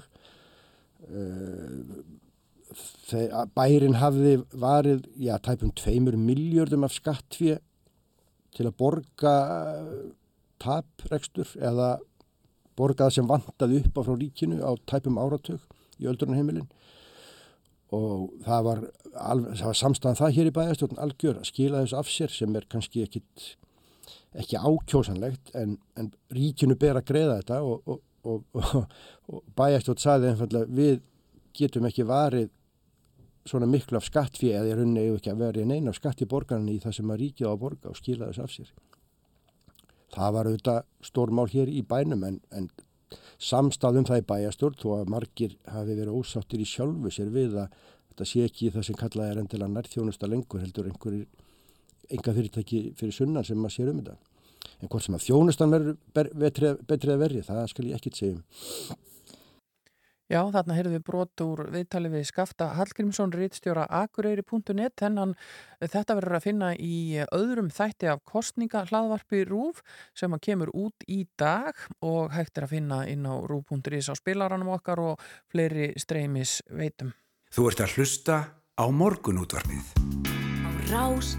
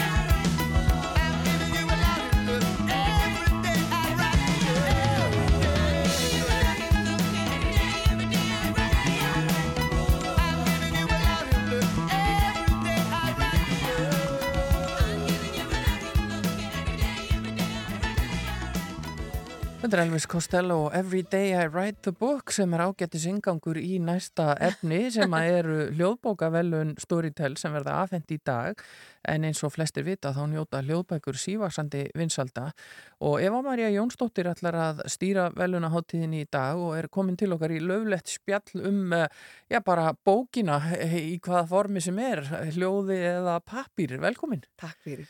Kannski byrjum aðeins á því að því að við þekkjum því nú úr þessu umhverfi íslenskunar og, og fræðana og, og svona kannski aðeins íhaldsamari hluta bóklestusins. Eh, Ertu, ertu sjálf duglega að hlusta á hljóðbækur eða ertu svolítið gammaldags? Ég er mjög gammaldags að vera viðkynna en ég er alveg áhuga sem umrunn heim og mér finnst þetta mjög skemmtilt að sjá hvernig fólk er að taka aftur sögurnar inn í sitt daglega líf og ekki bara í gegnum að horfa, heldur að hlusta og það er þetta mjög jákvægt. Lestur hefur rosalega róandi áhrif á hugan og auðvitað verða til svona nýja tengingar á milli heila starfseminnar þegar við erum að, að hlusta sögur þannig að þetta er eins og bara að læra og, og nema. Og hvað á veluna fyrir hann í dag? Þetta eru fimm flokkar og það eru bara freka klassíski nema það var að bætast við einn gífulega spennandi flokkur, það er romantíst efni en hinnir eru skáldsögur og, og óskáldað efni eins og við köllum hérna á góður íslensku Mm. og síðan eru batnabækur og glæpasögur og svo eru veitt heiðusverlun og svo er líka veitt fyrir uh, besta hlaðvarpi núna. Já, það er, er, svona eh, kannski svolítið ný innkoma í, í þennan heim Storytel og, og ljóðbókana. Það er, það er svona meira bara hálgerið þættir. Já, þeir eru farinir að framlega þætti og, og bara er að kalla eftir hugmyndum frá fólki að þáttaröðum sem þeir geta framleitt og, og nota þá fagmennsku sem er til staðar í fyrirtækinu til þess að þetta verði gott efni. Já. Sko en þetta er fimm flokkar en er þá verið að verðluna fyrir lesturinn eða er verið að verðluna fyrir sko söguna, þú veist, hvað er það sem að er undir? Hljóðbókin lítur auðvitað aðeins öðrum lögmálum en bókin sem að þú tekur í pappír og, og lest sjálfur en, en það, þeir koma alltaf saman upp sem sagt höfundur bókarnar og lesarinn þannig að það er svona að verðluna fyrir samleðar áhrifin af tekstanum og svo flutningnum eða lesturinnum þannig að sumir hafa reyndar sko fengið bókmyndavelun fyrir sína bók og fengið síðan líka hljóðbókavelunin fyrir lesturinn á bókinu sinni, ég nefni bara Hallgrím Helgason sinni létt dæmi, Mhm. þannig að þetta eru svona samlegar áhrifin Já, en er þetta, uh, að því ég hef nú ekki mikið verið í þessu, þó ég hafi mikið áhuga á þessu. Ertu líka svona gamaldags? Ég er rosalega gamaldags, ég, mér finnst opaslega gaman að halda á bók bara einhvern veginn og er duglega að lesa en, en uh, ég væri alveg til að fara að skoða þetta líka. En það sem ég er að velta fyrir mér er uh, sko þetta með lesturinn. Stundum er það höfundarnir sjálfur sem lesa eins og hún nefndir en svo er líka bara orðin svona hálgerð stjætt af, af lesurum. Algjörlega, ég er búin að fylgjast með þessum velun núna alveg frá upphafi, þrjú ár, en fyrirtæki sjálft Storytel er bara fjör ára gamalt og ég sé að þetta eru sömun öfnin að koma fyrir aftur og aftur sem eru þá meðal vinsalustu lesara eða, eða lesa vinsalustu bækurnar, Mm. hverju sem það er að þakka og, og er að koma í, upp í tilnefningar eða, og svo í velunin. Þannig að þetta er að verða svona þettur hópur sem að sérhæfi sér svolítið í þessu og er virkilega gott í að flytja sögur, segja okkur sögurnar. Já. Það hafa náttúrulega alltaf verið til góði sögumenn og sumir hafa eflust verið betur en aðrir alla tíð. En þannig erum við að fara að sjá fagmennsku sem að er bara einstök og, og, og virkilega á, ánægilegt að sjá að eh, leikari sem kannski hefur áhuga á að þess að bæta við sig getur þá snúið sér meira að lestri hljóðbóka og, og, og mastera það. Já. En er, er þetta þá svona nútíma húslestur? Já, ég vil líta á það þannig að sjálfsögðu að þú ert reyndar einn með heyrnatóliðin yfirleitt og ég veit ekki um margar fjölskyldur sem setjast niður á kvöldin og hlusta saman á, á hljóðbók Nei. þó það væri sjálfsagt hægt en já, þetta er nútíma húslestur og hérna og það bara að fá sögu því þegar þú, þú ert náttúrulega í þínu lífi og þú ert á þinni braut og svo þegar þú ert með góða sögu sem þú ert að fylgjast með þá ert eins og svona á annari braut líka samtímis. Þannig að þú ert einhvern veginn að læra það sem þú ert að læra í lífinu og svo ertu líka að læra samúð og allskynns upp um, hvað maður segja, tilfinningar og framkalla tilfinningar og stækka rófið þitt á mm sögubrautinni En, en hvaða bækur eru tilumdra þarna í dag? Um, það er nú bara hægt að lesa það á netinu og það eru, það eru tilnæmda ég ætla að segja hvernig þær voru tilnæmdar það, Ok. er, það voru sem sagt 115 vinsælustu bækurnar sem voru mest áhlustaðar í gegnum Storytel Já. sem voru settar á lista og síðan fengu hljóðbóka unnendur frekar en hljóðbóka notendur eða kannski er þetta að segja hvort vekja að velja um það á netinu hverjar ætti að vera tilnæmdar þannig að fimm í hverjum flokki voru svo endanum tilnæmdar og svo sjáum við kvöld hvaða ein bók stendur uppi sem sigurveri eða Já. eitt lestur. En veistu hvaða flokkur uh, bóka er vinsalastur í hljóðbókunum? Eru það glæpa sögurnar, veistu það? Ég veit það ekki, mér finnst líklegt að séu glæpasögurnar en mér finnst nú líka líklegt að romantíkin komi sterk inn og muni keppa við þann flokk. Ég hugsa að það sér, sér flokkur glæpasagna vegna þess að það eru svo vinsalar. Já. Og síðan hefur uh, verið nöðsilegt að uh, búa til sérflokk romantísks efnis vegna þess að það var farið að vinna á. Mm. En það hefur svona þótt smá skammarætti gegnum tíðin að vera mikið að spá einhverjum romantískum bókmöntum. Menna það er alltaf lægi að lesa um einhverjum morði í Svíþjóð og... Já, finnst þið það? Já, það ekki, menn það hefur verið svona, svona talað um rauðu seríun einhvern veginn og fólk svona fytir aðeins bara nefið og ísfólkið og fólk svona verður smá svona eitthvað, þú veist, svona það vill alltaf viðkenna að það sé að að lesa þessar bækur. Ég held nefnilega að allt sem að við getum sagt að séu formúlubækur Já. séu álitið hans skörinni lagra heldur en svo kalla skáldað efni sem lítur bara sín megin lögmálum. En þetta er samt að breytast. Já. Það hefur breyst mjög hratt núna undarfærin ár með glæpasögurnar og fólk er farið að líta á þær jafnliða öðrum sögum en það hefur komið inn meiri svona raunsægi og, og hérna, félagslegt raunsægi inn í glæpasögurnar og sennilega á alveg eftir að hýsja upp flokk romantískrar bóka úr yfir þessu sem þú nefnir svona læri, lækna romantíkin og svo framvegis. En er ekki bara það sama og geða sama við í þessu eins og öllu öðru? Maður á ekki að vera með neitt snobb. Ég meina það er bara gaman að lesa og, og ef þú finnur eitthvað sem að þér finnst skemmtilegt að lesa þá er það ekki nema jákvæmt. Ekki nema jákvæmt því að allur lestur hefur góð áhrif á okkur og heilastarfsemin okkar og, og gerir okkur bara betri manneskjum. Já. Er ekki lestur uh, kannski bara mjög mikilvægur á þessum tímum hraðans sem við lifum á núna? Jú, hann er bara, hann róar hugan af því að við erum orðin, hvað maður segja, víruð til að taka mótið svo miklu áreiti á hverjum tíma í einu og við þurfum eiginlega að rifja það upp hvernig það er að vera algjörlega einbyttur að einhverju einu og lesturinn er þar mjög, mjög góð aðferð. Önnur góð aðferð væri bara til dæmis að, að anda og taka eftir hvernig maður andar. Það eru Já. ýmsar aðferði til. Stundum held ég að maður mætti alveg staldra við það. En hátíðin eh, í dag, eh, hvar og hvenar og er þetta bara fyrir bóðskesti eða eh, hérna? Já, það er bóðinn á þessa hátíð, það verður örglega samt hundra manns og ég sagði að verður nú engum kasta á dýr sko og ekki stíf gæsla dýravarða en hún er í hörpu og síðan er, er þetta sem sagt sendt út í bútum á, á netinu eða svona tekið upp þannig að fólk getur líka notið bara heima við tölvuna Mhm. og svo verður svona veistla á eftir í björtuloftum í hörpu þar sem að fólk fara að njóta síðasta vetrakvöldsins. Já, áður en að sumari kemur með allri sinni dýrð og öllum sínum lestri. Já, er það ekki á morgun? Jú, er. Sumarlestur, Já, sumarlestur hefst á morgun. Ah, spennandi. Það er nú svo gott einmitt að að lesa í, í sumafríinu, geta hvað sem það nú á sólaströndi eða bara heima í sófa. Mm. Eva Maria Jónsdóttir, takk fyrir að kíkja við hjá okkur í morgunútarpinu. Alltaf gaman að fá því í heimsókn og uh, við fylgjum spennt með niðurstöðum. Það eru Storytel hljóðbóka velunin í dag. Takk fyrir að koma.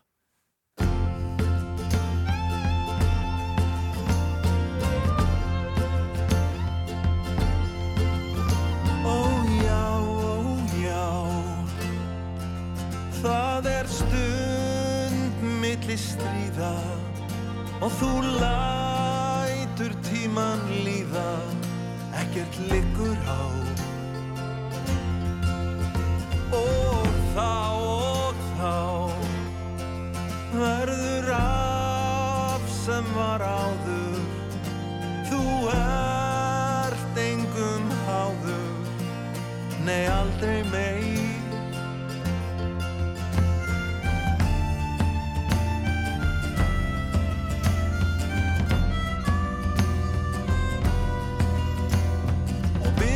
byrðarnar sem þú á bakinu geymdir og burðaðist með þér við hlið.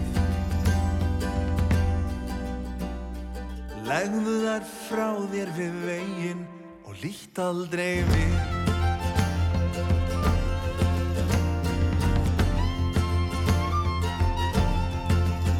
Og sjá og sjá það byrtir af degi stendur við veginn þegar sólinn rís.